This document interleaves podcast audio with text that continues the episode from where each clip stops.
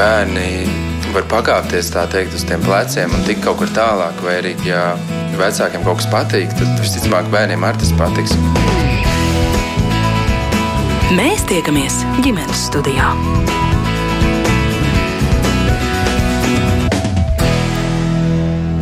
Labdien, priecājos sveicināt jūs visus ģimenes studijas klausītājus. Mans vārds ir Agnēs Linka, un šī raidījuma producente ir Ilza Zvaigzne. Mēs tā esam pieņēmuši un uzskatām un spriežam, ka viens no labākajiem ģimenes kopā būšanas veidiem, tostarp brīvdienās un Ziemassvētku brīvdienās, ir galda spēles.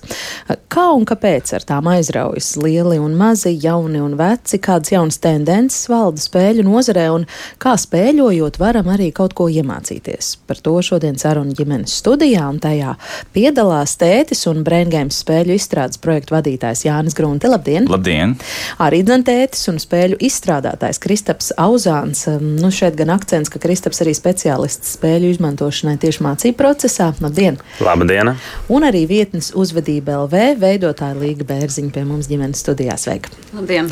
Un arī jūs klausītāji, kā vienmēr esat laipni aicināti pievienoties šai sarunai. Jums rodas kas sakāms, pieredze, komentāri, viedokļi, neturiet sveci zem pūra, atrakstiet Latvijas radio mājaslapā radījumam ģimenes studiju. Nu, kādas tad uh, spēles ir iecienītas uh, jūsu ģimenē? Ģimenē, kādus jūs spēlējat kopā ar dažāda vecuma bērniem, vai varbūt tikai mm, pieaugušie savā starpā. Sākšu ar tādu iesildīšanās jautājumu, vai jūs piekrītat, ka spēļošana ir labs, varbūt vislabākais eh, veids, kā pavadīt eh, svētku brīvdienas pat ja tās īpaši tad, ja tās iegadās tādas slapjas, kā piemēram šobrīd aiz loga.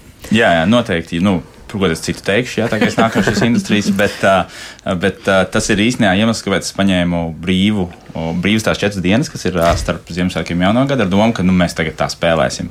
Es īstenībā esmu ģimenē lielākais entuziasts šī jā. Te. Jā, jā. Otrs tuvākais, laikam, būtu mans astoņas gadus vecais dēls, kurš arī tur varētu bez mitas un apstājas spēlēt. Jā. Tā kā, jā, jā, protams, ka es domāju, ka tas ir ļoti labs. Es nedroši neteikšu, ka tas ir labākais, bet tas ir noteikti labs veids, kā pavadīt. Jo visu, ko ģimene dara kopā, un ja vien viņi to dara kopā, tas ir forši. Bet galda spēles ir tas tāds labs veids, kur baigi nav, nu, ko mēs varētu izdarīt, ko vienkārši paņemam spēli, iemācāmies un spēlējam. Mm -hmm. Kristap? Man liekas, to ļoti labi var, var redzēt, kā mēs gaidām svētkus vai gaidām pasākumu. Piemēram, mēs gaidām un domājam par to, ka ok, mums būs Ziemassvētki, un mēs domājam par tādiem elementiem, labi, būs piparkūks būs eglīte un būs laiks spēlēt spēles. Un, ja tas ir tajā sajūtā, tad viennozīmīgi tas ir arī tajās lietās. Un, jā. Jums tā ir. Man tā ir. Līga. Jā, šis ir labs veids, kā apstāties pēc skrējiena, eh, paskatīties acīs, ieraudzīt, wow, bērni ir izauguši pēkšņi, jā, un viņi ir mainījušies. Un arī caur spēlēm mēs varam ieraudzīt ne tikai to, kā viņi ir mainījušies fiziski, bet arī to, kā ir mainījusies viņa domu gaita, kā ir mainījušās viņa stratēģijas un eh, kā ir arī nu, atspoguļojies kaut kāda viņa tā pieredze, kas ir noticis šajā brīdī. Jo nenolieksim, ka gandrīz ikvienam eh, šis skrējiens pirms svētkiem ir, ir, ir ļoti, ļoti, ļoti strauji. Gan lieliem, gan maziem. Bērniem arī starp citu. Protams, jā, jā, tur, protams, jā. Eh, jāgaida semestra noslēguma vērtējumi. Nevar tagad teikt, laikam liecības dažās skolās nav vairs liecības, bet, nu jā, viņiem arī ir ko piepūlēties. Jāni, vai spēļu pasaulē valda arī kādas modas tendences, un vai jūs varat pastāstīt, eh, kas tad ir topā, trendā? Tieši svētkiem? Modē vispār. Uh, nē, nu, protams, kad nozarē. spēles paspār sevi kā tāds brīvā laika pavadīšanas laiks ar katru gadu kļūst par tādu tādu pieņemamāku un, un izvēles tiek. Netiek tikai domāts, nu, ko mēs varētu filmu noskatīties, varbūt, nezinu, iziet ārā, jā, nu, iziet ārā, kurš vairs mūsdienās iet ārā. Uh, bet uh, spēles, jā, kļūst par tādu, tā kā cilvēki viņiem biežāk nāk un biežāk nāk, un droši vien tur palīdzēja arī uh, Covid laiks, jā, kad cilvēki mm. palika daudz mājās, un īpaši Eiropā daudz straujāk kāpa zināmo spēļu pārdošana. Tur daudz vairāk katanas un, un monopolu, un viss, kas pārējais ir uh, populārs, jā, tā kā daudz vairāk. Tā, līdz ar to, jā, tas, tas modas, nu, es teiktu, tā tendence ir, ka cilvēki domā, jāņem jaunas spēles, lai būtu vēl ko spēlēt. Nevis, ja teiksim, agrāk varēja, hm, varbūt pamēģinām spēli, tad tagad ir, mums vajag jaunu spēli. Tas ir tas, ka cilvēkiem jau ir kolekcijas mājās, jau ir dažas tur spēles, un viņi jau domā, kas būs nākamā. Nevis vienkārši apsver, varbūt nopirkt to pirmo spēli. Jau. Mm. Pirmā jau lielākā daļā ir. Jā. Un tad, protams, meklē kaut kādas sezonālas spēles, kas uh, man ir jāpiemina aizkulis, protams, mūsu pašu veidotā spēle, jā, ko daudz izvēlās dēļ tēmas, ka tur ir Ziemassvētki un, un tādā veidā. Jā, tā kā, es domāju, ka tā ir tā mode, bet arī Kristofers varbūt tur kaut kā pakomentēt, jo viņš ir iesaistīts. Tas, ko es jūtu pēdējos gados, un varbūt tagad īpašāk, ir tas, ka tās spēlēm, kas tagad iznāk, ļoti bieži tiek meklēti kaut kādi digitālie papildinājumi. Aha. Tieši tādā skatā, kad spēles saprot, ka viņas ir, ir auditorija, viņas var augt plašāk un atstāt tehnoloģiju darbu tehnoloģijām, piemēram, spēles, kur ir kādi stāsti. Gana bieži tiek atrasts kaut kāds digitālais variants, ka stāsti ir ierunāti vai kāds video fragments. Uh, tiek arvien vairāk spēlēts ar QR kodiem un tā tālāk. Un arī es spēlēju izstrādāt jaunās izlaišanās istabas. Es domāju, pie tā, ka ok. Mēs šo esam darījuši entos gadus uz papīra, bet varbūt mēs vienkārši varam uztaisīt tam pamatā mājaslapu, kur kaut ko vadīt un darboties. Un ļoti daudzās arī spēlēs šobrīd ir tas neaizvietojums ar digitālām spēlēm. Tas tomēr ir atšķirīgs tirgus, bet tāds papildināšana tieši domājot par to, ka labi, ir lieta, ko dators var izdarīt labāk. Mm. Piemēram, izkalkulēt entos x variantus, kā arī dedukcijas spēlē, un tad to atstāt datoram vai telefonam, cilvēki pamazām pierod. Kad, jā, arī galda spēlēs ir normāli, ja mums kāds elementiņš ir datorā, telefonā, tur gan ir tā robeža. Kad, man personīgi nebūtu milzīgs prieks, ja mums būtu galda spēle. Mēs visu dienu vienkārši, kamēr mums tas atvainojas, ticot, nespēlējam visu dienu. Bet mēs tās 90 minūtes, kamēr spēlējam, mēs varam vaļā un skatāmies pārsvarā telefonā. Man gribās tomēr to cilvēku saistību. Bet jā, jā, terminu, jā, un tas īstenībā dod tādu iemeslu, kāpēc varbūt to ierīci iedot tam pašam bērnam. Teiksim, es varu nedaudz pakārdināt ar tādu spēli, un angliski viņi saucās Yummy, Yummy Monster Tamī. Es nezinu, kāds būs lokalizētais nosaukums, bet būs lokalizēta spēle, kur mēs atveram kārti, un tur ir mošķītis uzzīmēts. Mēs ar telefonu to mošķīti noskanējam, un mēs spēlējam kārtas, un tās kārtas skanējam un barojam tam mošķītim. Viņam tur patīk rozā lietas, vai viņam patīk tur mīkstas lietas. Un tas telefons tiek ir ļoti liela daļa no tās spēles, bet ne visa daļa. Jā. Mums ir arī tas taktīlais, ka mēs visu aprunājam, kuram ir kura kārta, vai kādam ir zilā kārta, vai kas, bet ir tas telefons. Jā. Un, teiksim, mēs, kad saviem bērniem dod telefonu priekš tā spēlēšanas, viņi ir priecīgi, hei, viņi dabūja telefonu, jā, ārpus sava atļautā laika. Jā. Un nu, es atkal esmu priecīgs, ka viņi dara kaut ko kopā, un viņi spēlē daļai galda spēli, daļai telefonu. Jā, tā, tas kļūst ar vien populārāks risinājums. Jā. Mm, cik interesanti. Jā. Un tas kas, tas, kas man ļoti patīk no tādām jaunajām ne tendencēm, drīzāk es pat to teiktu, ka tā ir tāda arī domāšanas maiņa vecākos, ka kādreiz vecāki domāja, ka spēles, rotaļas, tas ir kaut kas pieaug, tas ir kaut kas bērniem. Mm -hmm. Jā, un tā kā rekur ņemiet to savu kasti kaut kur ejiet, jā, un tagad ļoti daudzas ģimenes ir atklājušas to kopā būšanas burvību. Un līdzīgi tāpatās kā Disnejas un lielās eh, šīs te no animācijas kompānijas, viņas meklē veidus, kā iestrādāt no šajās te filmās un, un, un animācijās dimensijas, kas ir interesantas Jā. vecākiem. Mm -hmm. Tas ir tas pats, kas notiek arī spēļu pasaulē. Un tur tā burvība ir tā, ka daudzās jomās un daudzās prasmēs bērni ir labāki nekā pieaugušie. Ja, tas ir iztēlē, arī reakcija, arī tāda abstraktajā domāšanā.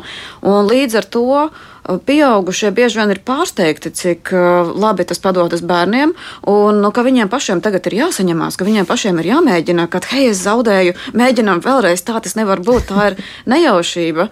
Jā, un arī pieaugušie aizraujas, un, un tas patiešām arī kļūst tāds. Uh, kopā pavadīšanas laiks, tāds savstarpējo atklājumu laiks, arī tāds uh, sadarbības un, Jā. un tāds draudzēšanās laiks. Mm -hmm. Es Līgai arī gribēju vaicāt, tas, ko kungi teica par to digitālo risinājumu ieplūšanu šajā spēļu jomā, kā to var vērtēt? O, es esmu pilnīgi arī priecīga par to, un, un es neesmu nekā vecāks, nekā man trīs tīņa mājās, un, un man nav nekāda pretenzija, ka viņi arī spēlē datorspēles, un es arī aicinu vecākiem pamācīties datorspēles. Jūs arī redzēsiet, ka jūs pēc pēkšņi uh, nu, atgūsiet zaudēto kontaktu ar tīņiem, un jūs Jā. arī aizrausieties, un, un jūs arī atradīsiet tādu kopīgu sarunu tēmu. Un tas patiešām nav nekas tik, tik briesmīgs, kā to arī zīmē. Līdz ar to man nav tāda, tādas, tādas ekstremālas uh, domas un, un tāda ekstremāla nostāja. Uh, Un, eh, bet, un arī par šo ierīču lietošanu tas ir tieši tas pats, jo ierīces ir mūsu dzīves sastāvdaļa. Un eh, šajā brīdī, ko mēs mācām bērniem, lietot eh, ierīces jēgpilni, lietot ierīces rotaļīgi un ar tādu tādu, tādu nozīmi, jo, jo, jo cienītie pieaugušie, ja bērni uzskaitītu, cik jūs pavadat laiku TikTokos, Instagramos, Facebookos, Rīlos, tā, tā statistika, es domāju, ka būtu diezgan nomācoši negatīva tieši jā. pieaugušo. Aicinājums bērniem vecākiem uzlikt viņu aplikācijās, telefonos aplikāciju, kas skaita laiku pie dažādām. Es, es piedāvāju vienai sievietei, viņa atteicās. Viņai ir droši vien nojausma, jā, ka tas, tas ir kaut kas cipars, ko tu negribētu redzēt. Jā. Mm. Bet jā, es piekrītu par to spēlēšanu kopā, gan galda spēlēs, gan arī video spēlēs, jā, kad ir tas tāds kopīgs sarunu temats. Un, un man ir viens ļoti labs draugs, kurš spēlē video spēles, un viņam klases biedri, dēla klases biedri tavs tētis spēlē. Tas ir kaut kas tāds, kas manā skatījumā, manam dēlam arī klasē ir viens šāds supertētis, jā, kā, kurš tiek likts par piemēru. Jā, jā, jo viņi tā kā pilnīgi, kā, jā. kā tas var būt? Jā, jā, un tāpēc man sieva spēlē vienu telefonu spēli kopā ar bērniem, lai viņiem būtu kopīgs, un es spēlēju to pašu Fortnite, ko mēs te pieminējām, pratam, jā, kopā ar bērniem. Tikai tāpēc, ja, lai es saprastu, par ko viņi runā, un mēs būtu kaut kā saistīti tā, ka mums katram savu pilnīgi nošķeltu pasaulē. Jā, mēs, mēs tomēr kopā. Jā. Jā, mēs spēlējam Dungeons and Dragons kopā mājās. Mm, okay, jā, jā. Lūk, vai jūs varat izstāstīt, pēc kādiem kritērijiem jūs vērtējat spēles, ja mēs tomēr atgriežamies pie galda spēlēm? Kas jūsu vērtējumā, jūsu skatījumā ir laba galda spēle? Oh, no, no manas puses ir tā, es, es tādiem trauksmainiem bērniem un arī trauksmainiem pieaugušiem neiesaku spēles, kur vienkārši tiek mesti kauliņi un uzvarētāji tiek noteikti brutāli pēc nejaušības principa. Tas ir faktiski, ja jūs gribat tādu draņķīgu Ziemassvētku vakaru, tad spēlējiet cirku vai ričuraču vai arī to pašu monopolu un, un kādu faktiski spēles, kur, jā, kur, kur, kur, kur tas, tā, tā, nu, faktiski tās tādas tādas šaura bezizēja, un tas arī Jā. veicina trauksmē, ja, ka ir, ir, ir ļoti daudz spēles, īpaši tādiem Ziemassvētkiem, kas vairāk balstās uz, uz sadarbību. Jā, tā ir man dēlam, tā ir mīļākā. Viņš vienmēr ir. Te viss kopā komandā, es saku, jā, un viņš reiz oh, ļoti labi spēlējam, jā, jo tā zaudējumu garša ir daudz uh, mazāk rūkta. Jā, jā, un, un tajā brīdī, ja jūs, ja mājās, tu jūs at, at, izpakojat jaunu kasti un kāds prasa, uh, un kas būs uzvarētājs, kā noteiks uzvarētājs, jā, tad faktiski, ja kādam no jūsu ģimenē ir svarīgi noskaidrot uzvarētāju un zaudētāju, tad tas nozīmē, ka jums ir jāizvēlās spēle bez zaudētājiem un uzvarētājiem.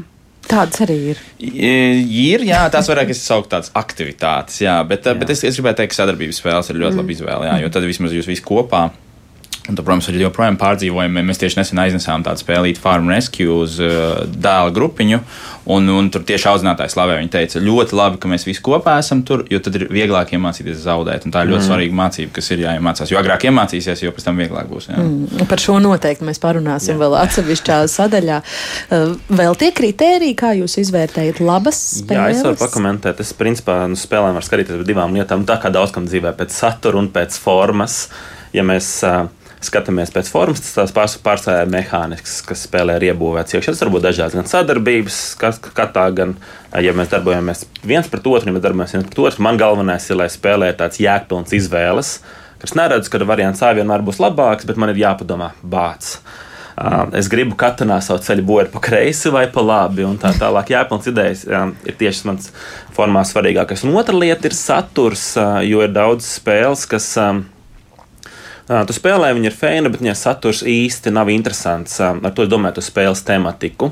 Piemēram, labs piemērs ir tas, ka man, vēl izspēlējis. Man ļoti, ļoti saists saturs. Tagad šogad ir iznākusi spēle ar nosaukumu Lakrimos par Mocartu. Un tas saturs ir tāds, tā spēlē, ka Mocarts ir diemžēl tikko aizgājis viņa saulē. Un tagad spēlētājiem ir jāmēģina divas lietas izdarīt. Mēģināt uztaisīt tādu tā stāstu par Mocarta dzīvi, staigājot un izējot cauri, izspēlējot viņu um, pieredzes, un jā, jāmēģina kopā pabeigt ar viņa atraitni pēdējo Mocarta rekviem, kas ir, man liekas, fantastiska tēma, un tās arī parādās spēļu dziļumu, kur viņas var aiziet. Un, ja spēlēt ar interesantu, aizstošu tēmu, tad um, uh, ļoti bieži tas uh, arī ir ļoti daudz, bet, nu, principā tas jaunais, tas modernākie un labākie spēļu dizaina vietas to, ka viņi mēģina sakombinēt labu tēmu ar mm. jēgpilnu formu un izvēlēm, ka nav tikai tēma, jo tas tirgus paliek tik piesātināts, ka tur nāks to kombinēt. Jā, jā lai atšķirtos jā, no citām. Jā. Mm. Jā. Vēl kaut kas par kvalitātes es, es īstenībā varu, jā, ka, tā, protams, ir atšķirīgs, ko es sev pērku, jo mēs, teiksim, Kristofers, esam ļoti entuziasti un mēs minam spēles, ko neviens cits nezinās, un arī parādām to milzīgo kastu un visu reizi, o, nē, nē, nē. Bet, teiksim, ja, ja cilvēki nezina, kuras spēles, tad vienmēr vieglākais rādītājs ir, cik gara tā spēle ir pa īsu nevar būt spēle. Ņemam kaut kur 30 minūtes, rakstīs 20 minūtes. Patiks uz spēles vēlreiz. Nevajag ņemt tur kaut kādas lielas, kas izskatās varbūt stilīgi, bet, ja tur rakstīs mm. 90 minūtes, ar visu mācīšanos tas būs pilgi. Tas ir tas visbiežākais, kur cilvēks salūst un netiek. Jā, mēs nopirkām tur rītīgi foršu populāru spēli. Mums ieteica veiklā tur divas stundas, mēs netikām noteikumu galā, mēs neizspēlējām, un galda spēles nav priekš mums. Nē, tā galda spēle nav priekš jums, bet citas iespējams ir. Jā. Jā. Es iemācījos, ka man jāuzdod, ja satiek cilvēku pirmo reizi, mēs gribam spēlēt kādas spēles, man jāuzdod divi jautājumi, kas ļoti labi strādā iesaka arī citiem. Tie divi jautājumi ir tādi. Kas ir sarežģītākā spēle, ko tu spēlēsi, un kas mm. ir tava mīļākā spēle? Un tagad, kad es saņēmu šo atbildi, tu daudz maz jau vari spriest, ko no tās savas kolekcijas vai no tā, kas paņems līdzi un piedāvāt un skatīties. Mm -hmm. Pasaki man, ko tu spēlē, un es pateikšu, kas tu pats esi. Jā, jā aptuveni tā, jā. jā. nu jā, droši vien biedējošas atklāsmes arī tur var iegūt līga vēl par vērtībām. jā, nu tas ir, nu, šajā brīdī arī es piekrītu tam, ka ir svarīgi nu, tā kā nenobīties, jā, un mēs arī esam dzirdējuši tādus stāstus, ka uh, cilvēki pasaka, ka mums mājās ir viena spēle, mēs pamēģinājām, un mums nesanāca, un tagad mēs vairāk nekad nespēlējam nevienu citu.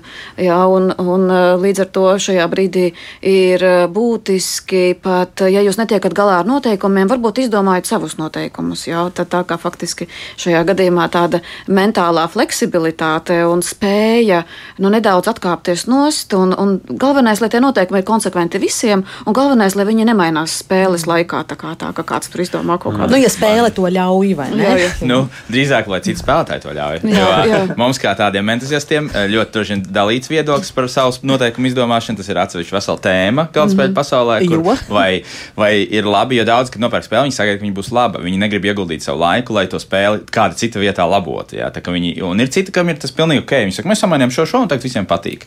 Es personīgi droši vien pirmajā grupā, kur es domāju, nu, es negribu to spēli labot. Jā. Viņi nebija labi, nē, es neiedziļināšos. Jā. Tad es eju citas spēles, skatos. Jā. Bet ir cilvēki, kuriem tā nav problēma. Jā.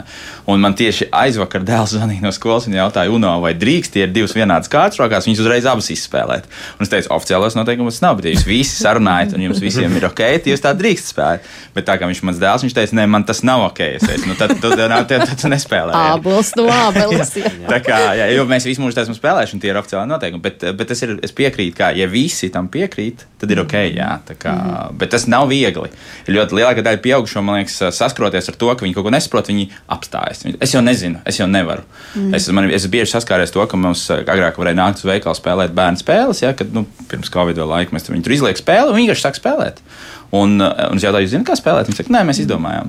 Un pieaugušajam iedot, viņš teica, nu, es jau nezinu, ko darīt. Un, un, jā, un viss, nekas nenotika. Dažreiz noteikumi mēdz būt arī tādi. Mums uzdāvināja vienu spēli, uh, kurai, kura pēc tematikas ir uh, par, neminēšu par kuru, bet par video spēli, kas maniem bērniem ļoti aktuāli. Un, tā kā visiem bija liels acis un milzīgs prieks, un tad mēs ar vīru tikām pieaicināti palīdzēt izlasīt, nu, tur mm -hmm. instrukcijas sīkiem burtiņiem, jo spēle laikam 8 plus, un divas stundas cītīgi lasīt lasījām, nesapratām, kas ir jādara līdz šim brīdim. Nu, jā, kas pusgadus, nu, neteikšu, pēc tam, pēc ētera pastāstīšu. Es uzreiz visiem klausītājiem viens mazs uh, ieteikums. Nekad, nekad nelasīt spēli tad, kad jūs taisties to spēlēt. Nekad tā nedariet. Kā lūdzu? To, tas ir mājas darbs. Tas ir jāizdara mājas darbs, kādam ir jāuzņemās. Kad mēs spēlēsim vakarā, labi. Viņš paņem noteikumus, aiziet otrā istabā apsēž un izlasa.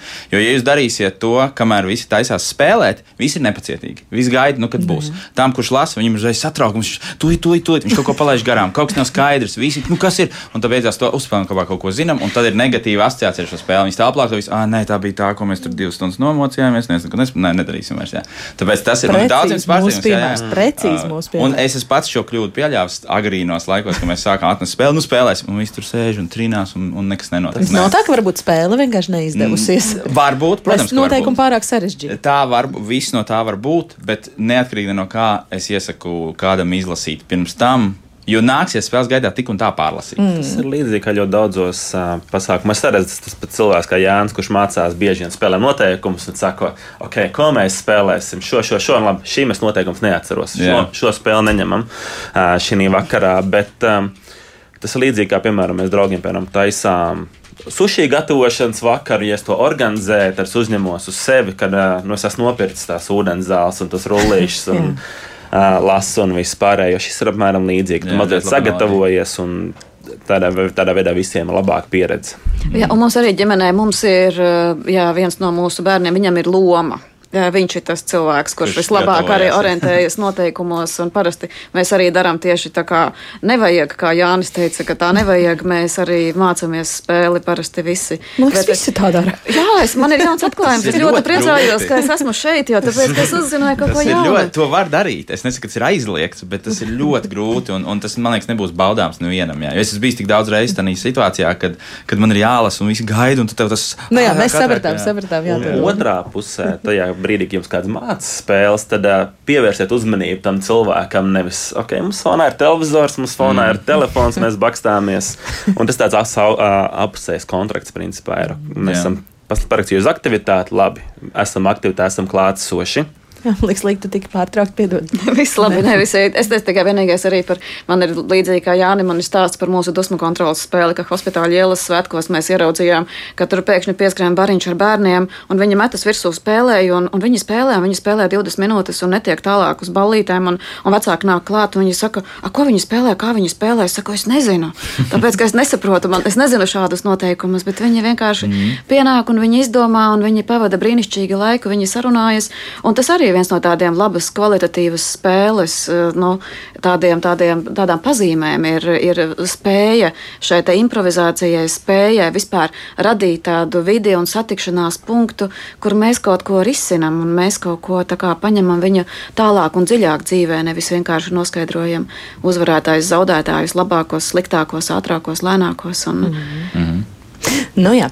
Man prieks, ka mūsu klausītāji iesaistās eh, sarunā un stāsta par to, kādas ir viņu ģimenēs mīļākās eh, spēles. Drusku palasīšu, Arts saka, ka ar astoņgadnieku mums šobrīd topā ir piecas sekundes, labirints, cirks, domino un zemeglītis būs pikšana arī. uh, savukārt Arita raksta, mums ģimenē aug trīs meitas, septiņi, trīs gadi un septiņi mēneši. Spēlējam dažādas spēles, arī galda spēles. Otradienas vakari katru nedēļu ir spēļu vakari no galda spēlēm.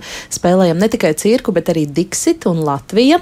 Latvijai mēdzam izdomāt jautājumus bērniem paši, lai būtu pielāgoti vecumam, iedrošina arī citus vecākus eh, spēlēt ar bērniem spēles. Kas piebilstams? Jā, ar Latviju es pilnīgi piekrītu, jo bieži vien pieaugušie izlasa jautājumus, un viņi paši nobīstas no tā, jo cik mēs maz zinām. Un, uh, un tāpēc arī šī jautājuma paplašināšana, arī starp citu tāda mācība vielas iekļaušana, mm. tas jau arī ir pilnīgi brīnišķīgi. Mm. Kāpēc mēs nenospēļotu to pašu nelaimīgo vēsturi vai ķīmiju vai fiziku. Nu, tikai vecākiem pašiem ļoti labi. Tad tajos priekšmetos attiecīgajā klašu grupā ir jāorientējas. Nu, bērnam priekšā atceros, ka vienā no pirmajām saskarsmēm ar Latviju bija tā, ka man brālēns bija diezgan liels sīkais, sauksim viņu tā, bet viņš jau Latviju bija spēlējis daudz reizes, un viņš visiem absolūti griez pogas par uh, purvītu un upīdu. Vis, visiem faktiem, jā. jā. jā. Jā. Varbūt jūs varat pastāstīt, kādas jūsu ģimenē attiecīgajās vecuma grupās par bērniem ir tās mīļākās spēles? Jā, labi. Uh, mums tik daudz mainās. Es, kuru šonadēļ jūs domājat? Nu, šonadēļ. Tad turēsimies pie šīs nedēļas. Uh, es esmu vairākas reizes minējis, ka mums bija ar līgu, ir, uh, mēs esam video un līgai laikam nepārāk šī spēle, bet es tu, turpināšu atpakaļ. Šī spēle ir mazākiem, nu tāda no trīs gadu, diva pusi, ir tāda mikons spēlīte. Tā ir maza kāršu spēle, kurā līdzīgi kā UNO jātiek no kārtīm vaļā, bet galda vidū jāizspēlē kārtas, kur atbilst uh, kaut kādai prasībai, piemēram, kvadrāts vai balts vai karsts vai augsts. Un tās kārtas ir tik dažādas, ka tie spēlētāji, tie, tie bērni ir iedrošināti paskaidrot, kāpēc tā kārta dara. Piemēram, ka vajadzīgs kaut kas apaļš, viņam priekšā tur ir šķērs, tur svece vai, nezinu, bumba. Un jebkuru no tiem viņš varētu, ja viņš gribētu paskaidrot. Un tad mm -hmm. tu teikt, kāpēc šķērs nedara. Viņš, ah, dara, jo tur roka tur -hmm. Ah, skaidrs, jā. Un tā, tā ir rīktīgi mums aizgājusi. Mēs visiem, kam mēs dāvinājuši, ir ļoti patikuši tādiem mazākiem. Kādam vecumam mēs gribam? Uh, divi pus, trīs gadi un uz jau, augšu. Jau. Jā, jā, jā. Tas īstenībā ir ļoti reti, ka tādas uh, inčīgas spēles sarežģītākas par cirku un riču reču ir tik maziem bērniem. Uh, jā, un cirks tur ir riņķīgs desmit minūtes. Bet uh, es tikai tās nu, pacietība ir tas lielākais. Jā, pacietība ir tas lielākais, tīpaši tik maziem bērniem. Mm. Un, ja viņam te liek to cirku, nu, es nezinu, cik ilgi viņš izturēs. Kaut kad man bērni vasarā mēdz viņu izvilkt un spēlēt, un es nesaprotu, man liekas, ka kaut ko es nepareizi izdarīju. Tik daudz spēļu, viņi joprojām tur. Nu, tur paskat vēlreiz, cik veci jūs ģimenē bērni? Man ir uh, 5, 8 un 12. Jā. Būs to 12. Jā. Mm -hmm. Tā kā jā, un to, to spēlējam mēs visi kopā. Bet tā, protams, ir tādam bērnam kopā ar vecāku. Jā. Un, ja vienmēr vecāks spēlē bērnu kopā, tad to vecumu, kas norādīts kāds, var bijis uz leju paņemt. Teiksim, tur ir 7, plus, bet, ja vecāks spēlēs ar bērnu, mm -hmm. mierīgi var tur 5, 6 mēģināt, jo viņš var viņam piepalīdzēt, dod variantus un, un tam līdzīgi. Tā, tā būtu tādam mazākam vecumam. Bet, Jā, nu man principā bērni ir mazākais vecums, trīs un viens gads. Un, uh, mēs gana daudz spēlējam, arī spēlējamies. Un es nezinu, kā es dzīvoju pirms laika. Man nebija trīs gadnieks, kurš spēja visu sakrāmēt un attaisīt un salikt pa kastītēm. Tas bija nu, grūti laiki, bet uh, tā realistiski mēs kaut kādas spēles sākam spēlēt no divu gadu vecuma jau. ar vecāko mm -hmm. bērnu. Jā, un ir arī tirgu pieejamas spēles, kas arī ir uzzīmētas divi plus. Mm -hmm. Un viens man rekomendācija būtu tādam mazākam vecumam, kas ir veiksmīgi strādājis. Un es, es teiktu, viņi var no divu gadu spēlēt, un mūsu ģimene tā bija. Ir Tamling Monkeys, jeb krītošie pērtiķīši kaut kā tā. Man liekas, ka latviski viņi tā arī, nu, viņi nav mainījuši nosaukumu. Viņi nav mainījuši, un viņi pieejami ir diezgan brīvi Latvijā, mm -hmm. var meklēt dažādos veikalos. Un tā doma ir tāda, ka ir milzīgs um, koks, tur ir sasprāstīts kociņš, trijās krāsās, un tur sabērta pērtiķīši.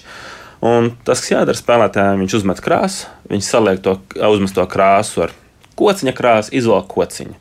Un, ja iekrīt pērtiķis, viņam ir pērtiķis ļoti veiksmīgi. Un šādi pirmie patērni ir feini, un tas, ko mēs iegūstam, kā jau pieminēju, mēs spēlējam, gan spēlējamies, gan spēlējam.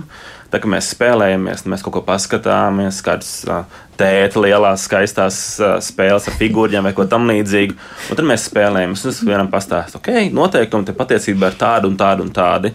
Bet tā kā mēs spēlējam, mums ir koncepts, ka mēs spēlējam pēc noteikumiem. Mēs to darām disciplinēti, kad ir viens gājiens, ir otrs gājiens un iemācāmies tādas pamat, pamatlietas jau šo te. Mm darbojoties un strādā pārsteidzoši labi. Es vienmēr smējos, ka mums paziņas teica, ok, jums tagad ir piedzimuši divi bērni, tagad nu gan jums viss spēles izrevidierēts. Tas tā nav. Absolūti. Bērniem var ļoti vienkārši nokomunicēt robežas, ka tās ir vecāku spēles. Viņi tur neiet, nerevidierēs un darbojās kopā ar mums, tā kā mēs to darām. Un līdzīgi kā Jānis, mēs arī pa laikam kaut ko spēlējam kopā. Mm. Lielie un mazie darbojas vienkārši kopā. Mm. Jā, blakus kaut vai mēs esam līnijā runājuši to, ka dažreiz ir, nu, tad, kad viņš ir maziņš, iedodam viņam kaut kādas dažas tās kārtas vai kauliņas, un viņš tur paku sēž tā galda un ķimerē, jo viņam jau svarīgi būtu kā, piedalīties un mm. da, dalīt to sajūtu, ka viņš ir kopā ar mums pie galda. Viņš varbūt nespēlē to katru, bet viņš tur spēlēs tiem ceļiem, mm. un viņš tur pat ir. Jā. Nu, līguma kā ar tiem tīņiem. oh, jā, tā kā es, es pilnīgi piekrītu Kristapam par mazuļiem par to, ka eh, šiem te um, bērniem, eh, viņiem var iestāstīt, ka nevajag pieskarties klāt uh, tām te pieaugušo spēlēm, jo man arī ir krustbērni un mums tā kā mūsu vieta ir ļoti mīļa bērniem un tas galda spēļu plaukts tā vispār ir tāda, tāda, tāda svētā vieta un, un bērni vienmēr viņa aiziet, viņa paņem, viņa noliek vietā un mums nekad nav bijis tā, ka mazie bērni turpat zem četriem gadiem viņiem izārdītu plauktus, un mēs pēc tam nevarētu kauliņus savākt kopā. Viņi ļoti labi zina, kas ir svarīgs pieaugušajiem, un, un, un, un viņi to arī redz. Uh, mūsu ģimenē uh, tagad nāk Ziemassvētki, un uh, mums ir šis te tā paplašinātā ģimene, kad sanāks kopā tā kā, tā kā brāļi, māsas un bērni. Un mēs ļoti daudz domājam, mums ir savas tradīcijas, arī noteikti kā daudzās ģimenēs. Un mums šajā laikā tādā Uh, goda, viet, goda vietā ir spēles, kurām ir šī te. kurām ir uh, šī kopība, kas dod kopības sajūtu. Ja, no mums mīļākā ir arī mūsu paša pasaka, sev pasaka citiem, kas ir uh, spēle, kur kā, mēs definējam, kā mums pašiem ir gājis. Tā ir spēle, ar kuru tu vari arī pateikt citiem paldies par to, kā tas ir palīdzējis, un paldies par, par kādām tādām lietām, par kopā noieto ceļu. Un uh, tad, uh, tas pirmais, ar ko mēs sākam. Tad nākamais ir tās tradicionālās spēles, caur kurām mēs varam uzzināt kaut ko arī par citiem. Tātad pirmais tas ir nu, goda vietā ir Diksits. Es domāju, ka tas ir daudziem, un arī mūsējie visi skatās arī gan visus paplašinājumus, un tā ir spēle, ko tiešām var spēlēt ļoti daudz cilvēki kopā, un viņi arī var uzzināt. Mēs, mēs iepazīstam viens otru mm -hmm. ar šo mhm. spēli un, un to domāšanas gaitu. Tad, eh, protams, mums ir muffin time, tāpēc, ka tā ir tāda spēle, kas ir absolūts hauss un jautrība, kur tur nav nozīmes, kas uzvarēs, jo tāpēc, ka tur vienkārši tur nenonāks līdz tādai uzvarai, bet toties tur ir daudz smiekli un jautrības, un tad eh, tāda mistērijuma, kas arī ir faktiski šī spēle, kas ir ne tikai saistīta ar spēļu algoritmiem, bet arī ar šādu psiholoģiju, kur faktiski katrs no cilvēkiem, katrs no spēlētājiem var parādīt arī tādu kaut kādu savu personības šķautni. Tāpat tās arī Spyfall, tāpēc, ka arī mēs viņu spēlējam atkal pilnīgi savādāk, jo tā, tā ir spēle, kas ir faktiski bērni ir uzauguši pie viņas, līdz ar to mēs pat, pat vairāk spēlējam viņu kā tādu improvizācijas teātri, kur mēs pārvietojamies laikā un telpā, un, un, un tā kā mēs esam viņu stipri, stipri sarežģījuši virs eh, noteikumiem, savādāk tas ir garlaicīgi. Jā, tad, eh, Un, uh, un tad, tad no bērniem uh, tādā topā ir uh, mikro, makro joprojām, mm. kad, mm. jo tad tā ir spēle, kur mēs varam milzīgu plakātu vienkārši nolikt uz grīdas un, un mazie rāpo pa viņu un, un, un tur pētā ar lupām un, un viņiem tur ir sava pasaule un, un, un vienalga, ko viņi tur dara, bet šajā brīdī pieaugušie var beidzot aprunāties par to, kas notiek un, un kā vispār dzīvē ir gājis. Un tad arī, kā sauc to spēli, kur, tos, kur mēs tos kokosus metam iekšā. Kokonats tā arī. Kokonats tā arī. Jā, jā, tā ir brīnišķīga spēle, kur arī pieaugušie zaudē vienos vārtos bērniem. Un, un, un, un šajā brīdī galvenais, lai viņi nodarbojas, jo tad, kad mēs jau pārējām uz šīm spēlēm, tad, tad pieaugušie parasti ieiet eh, tādās dziļās, siltās, apcerīgās sarunās, un, un viņiem vajag vienkārši atrast, lai bērni strukturēti um, nu, pavada laiku un, un nemēģina viens otru noskalpēt un, un, un darīt viens otram pāri. Beig beigās es teiktu, ka laikam tā spēle jau nav tik ļoti svarīga, kā tas laiks kopā vadīties. Jā. Jā. Galvenais dariet kopā. Es esmu redzējis bērns, kas vienkārši grib ar to tēti un mammu kaut ko kopā darīt. Un, ja tā ir spēle, vēl jau labāk. Jā, tā kā, jā. Mūsu sarunai piepildīsies vēl kāda dalībniece, jo ar eh, ģimenes studiju par savu aizrautību ar galda spēlēm eh, savā pieredzē padalījās arī divu meitu māma Saiva. Viņas meitenēm ir 4 un 7 gadi šobrīd, un šajā ģimenē arī spēlē visi jauni, veci, lieli un mazi. Paklausīsimies Saivas stāstītajā aizrautība jau sākās bērnībā, laikam vairāk, vairāk man, un pēc tam es ievilku vīru, kad mēs sākām satikties. Un tad mums bija vairāki draugi, kuriem ļoti patika tieši galda spēles. Un tad, kad sāka dzimt bērni, tad drusku tas pieklusa. Tagad, kad tie bērni jau ir paaugušies un, un spēj līdzdarboties, tad tas atkal ir ar tādu jaunu vilni aktīvāk palicis. Jā. Kas ir tas, ko jūs spēlējāt līdz tai bērnu piedzimšanai, savā starpā vai draugu lokā, un kā tas mainījās tad, kad bērni ienāca ģimenē? Jā, no draugiem mēs, eh, protams, strateģiskās spēles spēlējām eh, to pašu katanu un eh, karkasoni un, un vilcienus, vai kā viņus tur sauca, tika tur aida. un, nu jā, kad bērni sāka apjaust, kas ir galda spēles, tad jau mēs, protams, sākām pielāgoties viņām un aizgāja vairāk nu, halī galī un un fermeri, kur atmiņas spēles, kur, kur viņas tiek līdzi. Bet nu, jau pamazām sāk apgūt arī pieaugušo spēles. Nav vairs tik traki, ka jāpieskaņojās galīgi. Jā, tagad, kad eh, me, meitas ir eh, paaugušās un arī draugu bērni paaugušies, tad viņi mums ļauj beidzot eh, spēlēt arī pieaugušo spēles, jo viņi tad savā starpā darbojās un liek mūs mierā, tā teikt. Un tad mēs varam cīnīties zobs pret zobu ar draugiem. Kas ir tās aktuālās šobrīd jūsu pieaugušo uh, nu, joprojām tie vilcieni tika turēti. Tas mums ir pēdējo gadu, es pat nezinu, nu, četrus gadus mēs noteikti viņu jau spēlējam, un, un tas ir kaut kā nomācis uh, visas katanas un karkasonas. Jā, vilcieni ir, ir absolūti top spēle jau gadiem, tā var teikt. Vai jūs varat pastāstīt arī, kāpēc? Jā, nu, laikam jau tas, ka viens otram var var nogriezt ceļu un, un izjaukt ieplānoto. Jo doma ir tāda, ka ir jānonāk no vienas vilciena stacijas uz citu un jāizpild tas maršruts, un kurš tad beigās ir izpildījis visvairāk maršrutus, tad savāc visvairāk punktus un arī uzvar.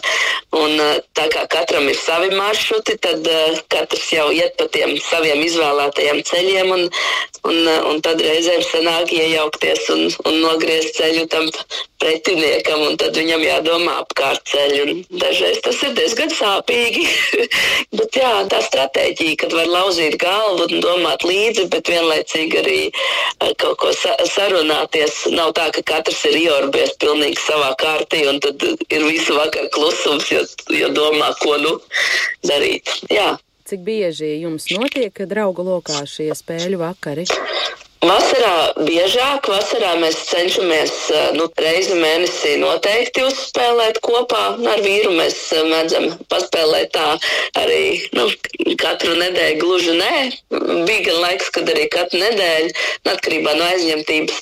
Ziemā mēs vairāk tā ģimenes lokā spēlējam ar, ar, ar krustbērniem, ar, ar vecvecākiem. Nu, tad, kad kaut kāds svētki, tie paši Ziemassvētki vai, vai vārda dienas mums te ziemā iekrīt un nu, ar draugiem vasarā Jūs pieminējāt vecvecākus un krustbērnus. Tas nozīmē, ka paplašinātā ģimene arī ir apmācīta spēļošanai. Jā, jā, jā, jā, jā. tagad ar vien vairāk. Nu, ar krustbērniem mēs eh, vienmēr esam spēlējuši, un uh, vecvecāki tagad pamazām sāk uh, ievilkti tikt.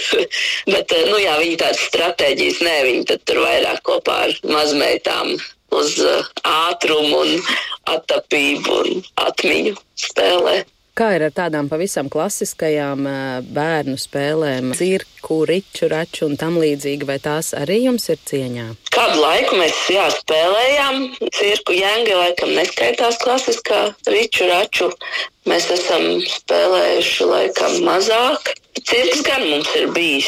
Bet, nu jā, vairāk jau tās ja, jaunās, modernās, kur kaut kādi zvaniņi un cūciņas urkšķi un kaut kas tāds. Nu, bērniem jau patīk, kad var kaut kur uzsist un kaut kas skan. Nereti ģimenēs ar ne ļoti lieliem bērniem ir tā problēma, ka tie bērni ļoti sāpīgi uztver zaudējumus. Kā šī situācija oh, ir? Vecākā meita nu jau ir sapratusi, ka uh, zaudēt nav nemaz tik traki. Viņa jau ir apgūsi to zaudēšanu, no tad tā vinēšana ir vēl lielāks prieks.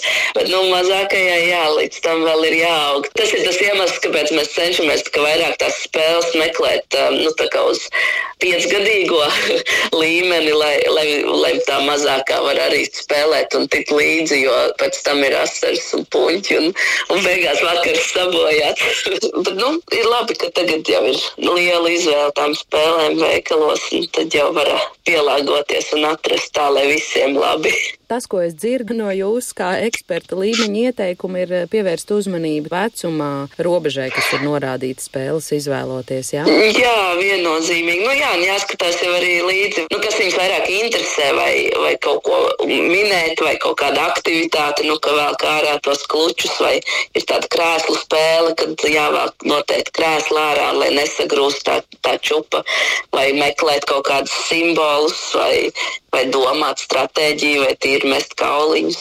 Mums, starp citu, ļoti eh, aizmirst pirms tam pieminēt eh, pie top spēlēm, ir tāds eh, gliemezīts, kas ir Latvijā veidota un izdomāta spēle, ja nemaldos Siguldā. Un, uh, tur mācās burtus un jāvāc burti bet vienlaicīgi arī jāmet nu, kauliņi, un, un tad tur ir visādi āķīgie uzdevumi, kad uh, var to kartiņu savākt, to jau gandrīz zaudēt, vai ka tie burti jāatklāj vaļā. Un, tā tāda ļoti laba spēle ir priekš bērniem. Iesaku, jo viņi aizrauja. Un pat ne tikai mazos bērnus, bet, bet beigās arī lielie pieaugušie aizraujās ar, ar to savu kartīņas aizklāšanu. Bonusā vēl apgūst tos burtus, jā, mazākie. Nu, jā, tieši tur tā pievienotā vērtība arī nedaudz tāda kā mācīšana, kaut kas, par ko mēs mm. kā vecāki visvairāk priecājamies spēlējot kaut ko mm. Tā ir. Jā. Jūs vēl pieminējāt par eh, spēļu izvēlēm. Es gribu jums pavaicāt, kādi ir tie jūsu principi un cik viegli jūs ielaižat savās mājās jaunas spēles, jo tās jau tiek ražotas un piedāvātas aizvien eh, no jauna un aizvien citādākas, un tas klāsts ir ļoti plašs. Cik labprāt jūs izmēģināt jaunas spēles un pēc kāda principa jūs tās izvēlaties? Jā, vīrs droši vien teiktu, ka pārāk labprātīgi, jo man, man uz tām spēlēm acis visu laiku veikala lielā tik līdz ir kādas uh, atlaides vai kaut kāds jaunums, kas vizuāli piesaista. Es uh, diezgan palasu, uh, kas notiek spēļu dzīvē. Un, un tad, ja liekas, ka varētu mums visiem tā kā patikt, tieši domājot vairāk par bērniem, ka viņus varētu aizraut. Un ir tiešām spēles, kas aiziet ļoti ātri un, un tiešām kļūst aktuāls uz ilgu periodu, ka nestāv vienkārši čupiņā un negaida, nekrāja putekļus. Nu, jā, es pievēršu vecumam un uh, vizuālajam un uh, tam, cik, kas man liekas, ka maniem bērniem patīk. Katram jau tās intereses ir citādākas. Bet, ja par tām pieaugušo spēlēm, tad arī atsauksmes lasāt, jā? Jā, la, lasam, lasam. Dažreiz skatāmies video, izpētam, vai, nu, YouTube skatāmies, kā spēlē, vai, vai, vai liekas gana interesanti. Jā, nu, bet kaut kāda dzīves posms tāds, ka tendējamies uz tām bērnu spēlēm, jo tas vilciens mums ir tik ļoti paņēmis, ka uz pieaugušo spēlēm, godīgi sakot, pat neatceros, kad mēs esam pirkuši tagad kaut ko tikai mums. Mm. Laikam neesam. Jo vienmēr ir tā, ka tā kā draugiem runājam, nu, ko spēlējam, vienmēr ir tie vilcieni. Tā katana reizēm vēl izlien ārā un karksona. Nevar nemaz zināt, cik ilgi šie vilcieni jūs savā varā vēl noturēs, vai ne? Jā, patreiz liekas, ka neapnīk, ka joprojām ir aktuāli un, un būs vēl krietni laiku. Bet, nu, cerams, ka tirgo ienāks kaut kas jauns, kas uh, paķers.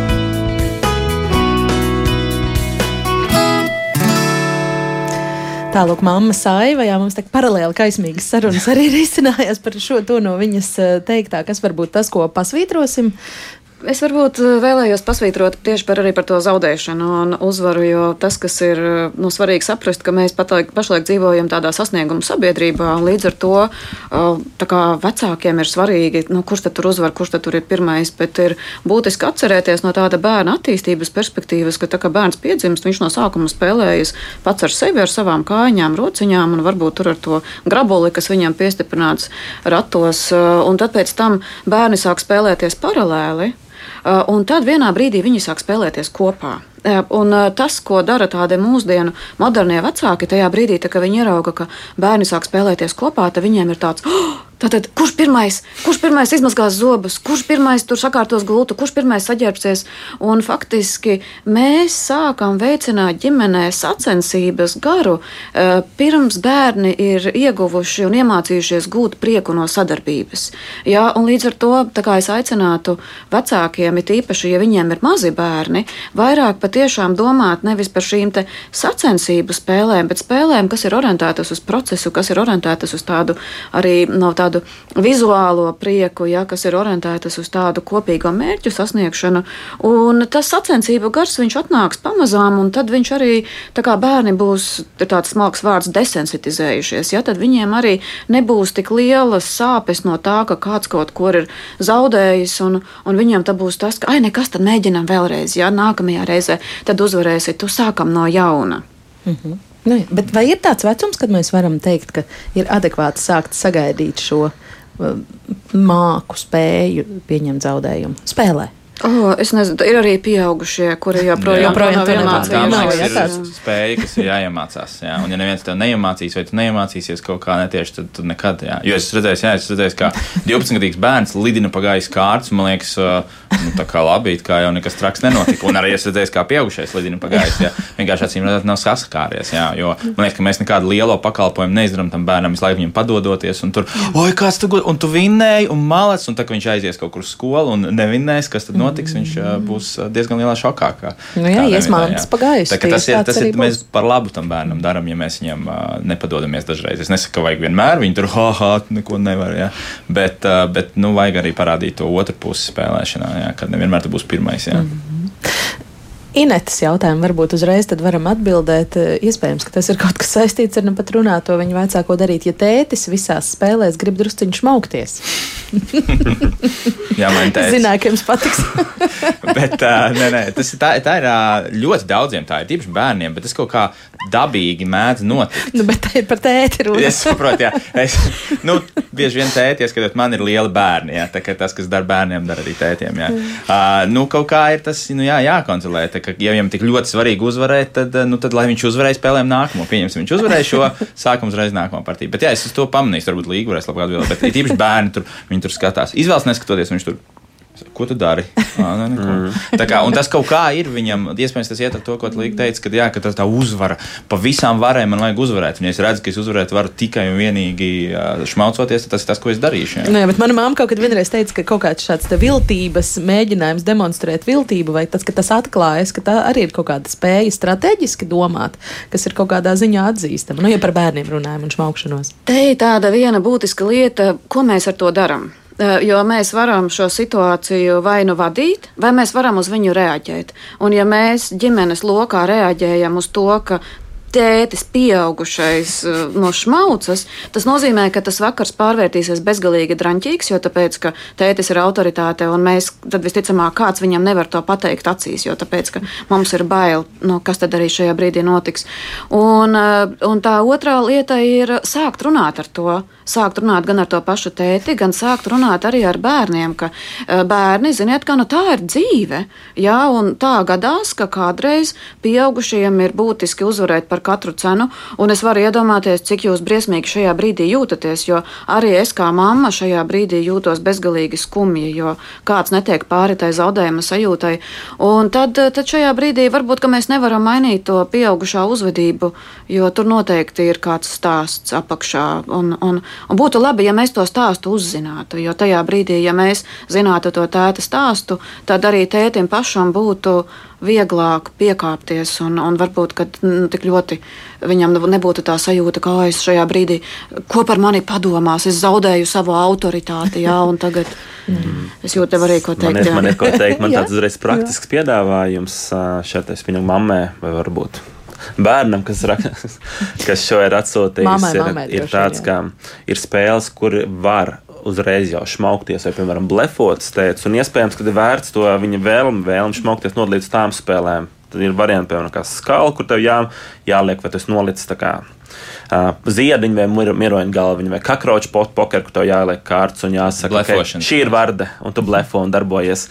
Un iespējams, tad var sadalīt, ok, mēs izspēlējām spēli, kur mēs visi blefojam, darbojamies, bet šajā spēlē mēs. Uh, mēģināsim spēlēt absolūti pēc noteikumiem un godīgi. Es teiktu, tas tāds labs, labs veids, kā to mēģināt vienkārši nodalīt. Ah, pilnīgi brīnišķīgi. Tas pats kaudnējums vai arī Spyfall, tas pats mūsu leģendārais, ko mēs jau pieminējām. Jā, jā tā, ir, tā ir lieliska stratēģija. Mm. Uh, jā, tad, tad tiešām, ja, ja mēs redzam, ka ir viens cilvēks, kurš ir lielisks blefošanā, Kāpēc mums vajadzētu pārvērst Ziemassvētkus par tādu konfliktu un psihodrāmu? Cīņu, jā. jā, mēs taču varam vienkārši sekot plūsmai un vienkārši attīstīt talantus. Jā, un Ilza vecā kā organizēt spēļu vakars, ja tomēr ģimenē ir tie ļoti dažādi vecuma bērni, vai nu mazie nevelk līdzi, vai nu lielajiem ir garlaicīgi tās mazo spēles spēlēt. Jā, tas ir ļoti labs jautājums. Jā. Vienā brīdī kāds nogurs. Jautājums, vai tas ir mazais nogurst vai lielais nogurst no tā, ka mazais grib visu laiku piedalīties. Jā.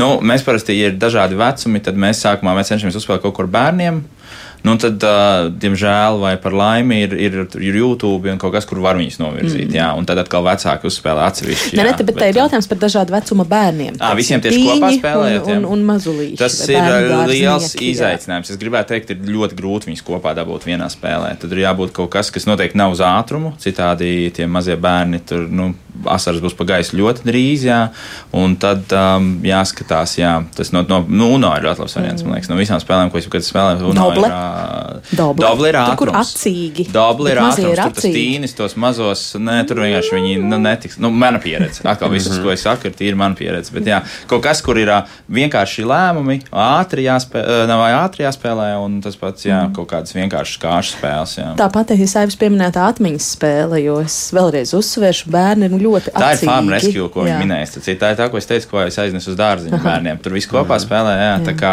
tas sadarbības spēle, protams, būtu ļoti labi. Jo tad tie tīņi būs ieinteresēti tiem bērniem palīdzēt. Ja tur palīdz to, dara to. Jā, jā, bet tas ir jebkurā gadījumā izaicinājums. Tik lielas dažādības. Tas ir līdzīgi kā salikt, teiksim, mūsu kaut kādā spēļu grupā ar tādiem, kas neko daudz nav spēlējuši. Ja mums arī būs izaicinājums atrast spēlē, mums būtu mm. visiem vien, vienādi interesanti. Šobrīd es gribu, lai pakomentētu arī no Jāņa puses, jo mēs ļoti daudz koncentrējamies uz tiem cilvēkiem, kas audzina jauno paudzi, savu spēlētāju paudzi un spēlē jau iekšā mājās. Bet patiesībā šis varbūt arī tāds hobijs kur, ja tev nav tās mājas cilvēku, un varbūt klausies, ka viens pats rādījā un domā, nu, man nav, man neaug tie dažādi vecuma bērni mājās, mm. viens pats. Tādā ziņā tie ir lielisks iespējas, jo hobijs ir ļoti atvērts un Latvijā ir daudz dažādu galdu spēļu klubu. Gan Rīgā tiek organizēta, ka, piemēram, es pats pārstāvu Jālgājas galdu spēļu klubu, kas jau tur 6, 7 gadus darbojas, un tie cilvēki var brīvi atnākt. Uh, un nebaidīties par savu pieredzi vai ko tādu. Mums pārsvarā ir tie divi jautājumi, grūtākā spēle un mīļākā spēle. Un, uh, vairāk vai mazāk cilvēki, kas nāk šiem pasākumiem regulāri, uh, darbojas pēc principa, ja kaut ko paņēmis līdzi, es to esmu gatavs to iemācīt kādam citam un darboties. Tā kā te ir tā iespēja arī meklēt savu domu biedrus, uh, interesantus kā tādus un darboties plašāk. Mhm. Un uh, arī vēl tāda lieta ir, ka arī tad, ja jūs organizējat galda spēļu vakaru, tad tam visam galda spēļu vakaram nav jābūt par galda spēlēm. Savādāk atkal visi būs ļoti nelaimīgi un noguruši, un, piemēram, atsaucot neskatoties uz to pašu mūsu ģimenes Ziemassvētku vakaru, mums ir plānots arī mums būs daudz galda spēles. Mēs sāksim ar spēlēm, ko var spēlēt mazie un lielie kopā. Mēs zinām, ka mazie nogurs. Un tad mums ir tāda tradīcija, ka bērni katru gadu izvēlās, vai nu mēs ņemam īstu egli, vai viņi zīmē egli uz sienas. Mēs atvēlam veselu sienu, un šogad atkal mums būs sienas gleznošana. Tas nozīmē, ka tajā brīdī, kad bērni nogurs, viņiem tiks iedotas gošas un uzvilktas eh, drēbes, kuras var atļauties arī pēc tam sabojāt uz mūžiem. Jā, un viņi, viņi gleznos, un, un lielie arī jaunieši, kas ir tīņi, viņi nebūs aizkaitināti, ka mazie maisās pa kājām, viņi turpinās spēlēt savas spēles, mm. un mazie jau darīs tās lietas, kas ir atbilstošas viņa noguruma pakāpei un uh, uzmanībai. Jā. Pēdējais jāsaka. Jā, es pēdējais ātri jau teicu, ka tā par to nezināšanu, kuras spēles, Brengēms, teiksim, tāda iespēja nopirkt spēli, uzspēlēt un nepatīk atnākt apmainīt oh. atpakaļ. Tā kā tad var paeksperimentēt ar dažādām spēlēm, gan pieaugušie, gan bērni, jā, jo mēs jau gribam, lai atrod to īsto. Jā. Jums mājās interjerā ir daudz egļu, vai jūs katru gadu krāsojat sienas? Mēs krāsojam, mēs, mēs mazgājam, bet pēc tam tas nemazgājas nost, tad pēc tam mēs atkal krāsojam. Tad, tad mēs iesim uz, uz krāsu veikaliem un meklēsim piemēroto krāsu. Brīnišķīgi. Katru gadu bišķiņ tumšāk, ja liekas Apmēram, jā. Es ceru, ka arī šī noderēs ideja kādam ģimenes studijas klausītājiem un paldies par šo, beigšu humoru pilno, humoru pilno sarunu un, un silto sarunu ģimenes studijā šodien viesojās vietnes uzvedība LV veidotāja Līga Bērziņa, spēļu izstrādātāji Kristaps Auzāns un Jānis Grunte un raidījumu veidoja Ilza Zvaigzne, Kārlis Rašmanis pie skaņu pults, pie mikrofona Agnese Linka. Jāatzīst gan, ka ne visiem svētki izdodas idilliski un priecīgi tāda kopā būšana ar ģimeni var arī nesenākt, un šis laiks var arī uzplēst dažādas dvēseles brūces, sāsināt sarežģītas attiecības starp vecākiem bērniem vai citiem tuviniekiem, vai vienmēr ir iespējami piedošana un kā meklēt sirdsmieru arī paudžu konfliktos tieši svētku laikā. Plašāk par to mēs runāsim ģimenes studijā rīt. Un kā vienmēr būsiet laipni aicināti iesaistīties šajā sarunā no diviem līdz trījiem, klausieties un pievienojieties. Tiekamies arī podkāstos, mobilajā lietotnē un ģimenes studijas sociālos tīklos uz sadzirdēšanos.